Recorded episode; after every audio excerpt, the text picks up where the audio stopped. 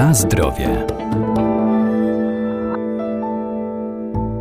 Zapotrzebowanie żywnościowe człowieka jest różne w zależności od jego wieku czy trybu życia, ale codzienna dieta powinna być dobrze zbilansowana, zróżnicowana, a także dobrana do indywidualnych potrzeb. Szczególnie o odpowiednie odżywianie powinni zadbać seniorzy.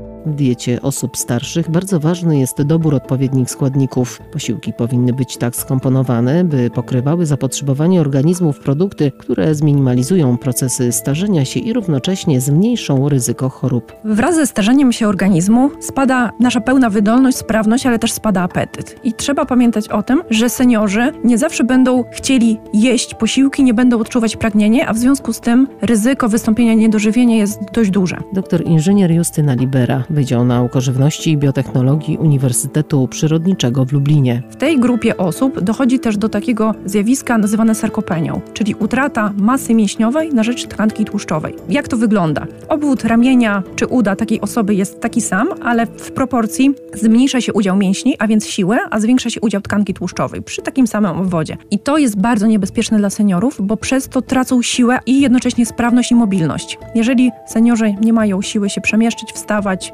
przyrządzać posiłków, to po prostu nie będą tego robić. I to ryzyko wystąpienia niedożywienia w tej grupie naprawdę jest znaczące. Czy możemy dietetycznie wpłynąć jakoś na y, poprawę sprawności seniorów? Tak, jeżeli zadbamy o odpowiednią podaż białka w diecie. Dla seniorów przyjmuje się, że takie optymalne stężenie białka to jest 1,2 grama na kilogram masy ciała. Czyli jeżeli ktoś waży 60 kg, to powinien sobie to przemnożyć przez 1,2 i otrzyma dzienne zapotrzebowanie na białko, co najmniej taka zawartość. Czy jest to trudne do osiągnięcia? I tak i nie. Wszystko zależy od tego, na co senior może sobie pozwolić. Produkty mięsne, szczególnie chude mięso, chude ryby, no nie są produktami najtańszymi. W związku z tym jest ryzyko, że y, zasobność portfela nie pozwoli na zakup poszczególnych produktów spożywczych. Ale to wcale nie znaczy, że tego białka w diecie ma brakować, bo źródłem białka są również produkty mleczne i wykorzystanie fermentowanych produktów mlecznych, takich jak jogurty, kefiry czy maślanki może się tutaj okazać bardzo dobrym rozwiązaniem. Poza tym można też włączyć do diety strączki.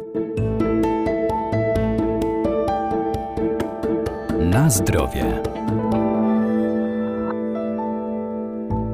Rośliny strączkowe uchodzą jednak za ciężkostrawne i czasami mogą wywoływać wzdęcia, dlatego wiele osób rezygnuje z ich spożywania. Strączki są źródłem białka roślinnego, niestety mogą wykazywać działanie wzdymające, ale organizm powoli adaptuje się do strączków, więc jeżeli będziemy je wprowadzać niewielkiej ilości do diety w miarę regularnie, to w pewnym momencie nasz organizm nie będzie tak gwałtownie na to reagował. Poza tym te właściwości wzdymające strączków można też neutralizować czy niwelować poprzez zastosowanie odpowiednich przypraw, czyli majeranek, tymianek. One również mogą poprawić troszkę strawność i złagodzić te dolegliwości związane z wzdymającym działaniem strączków. Warto też zwrócić uwagę na konsumpcję jaj. Seniorzy również te produkty mogą włączać do diety. Oczywiście być może pojawi się tutaj pytanie o cholesterol. Natomiast w tym momencie nie mamy jakby górnych limitów spożycia cholesterolu. Musimy pamiętać, że ten cholesterol wytwarzamy również endogennie, czyli jeżeli ja nie wprowadzę go do organizmu z dietą, to i tak go w mój organizm sobie wytworzę. W związku z tym, z tym cholesterolem w tym momencie nie jest już tak strasznie jak jeszcze jakiś czas temu. Natomiast warto oczywiście dopytać lekarza o rekomendacje, jeżeli chodzi o konsumpcję właśnie tego składnika. Oprócz źródła białka, które jest bardzo ważne i to odpowiednie odżywienie w białko organizmu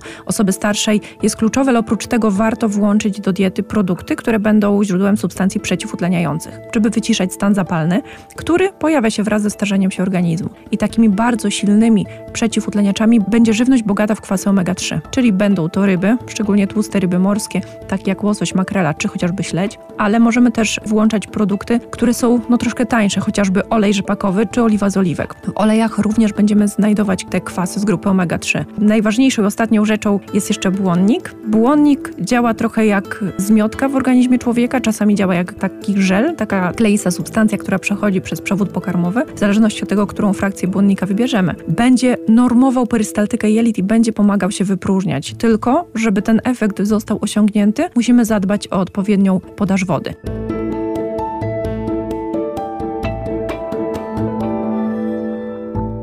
Warto też pamiętać, że zdrowy tryb życia to nie tylko odpowiednie nawyki żywieniowe, ale także codzienny ruch i aktywność fizyczna, co usprawni funkcjonowanie układu ruchu, zmniejszając ryzyko wszelkich urazów. Na zdrowie.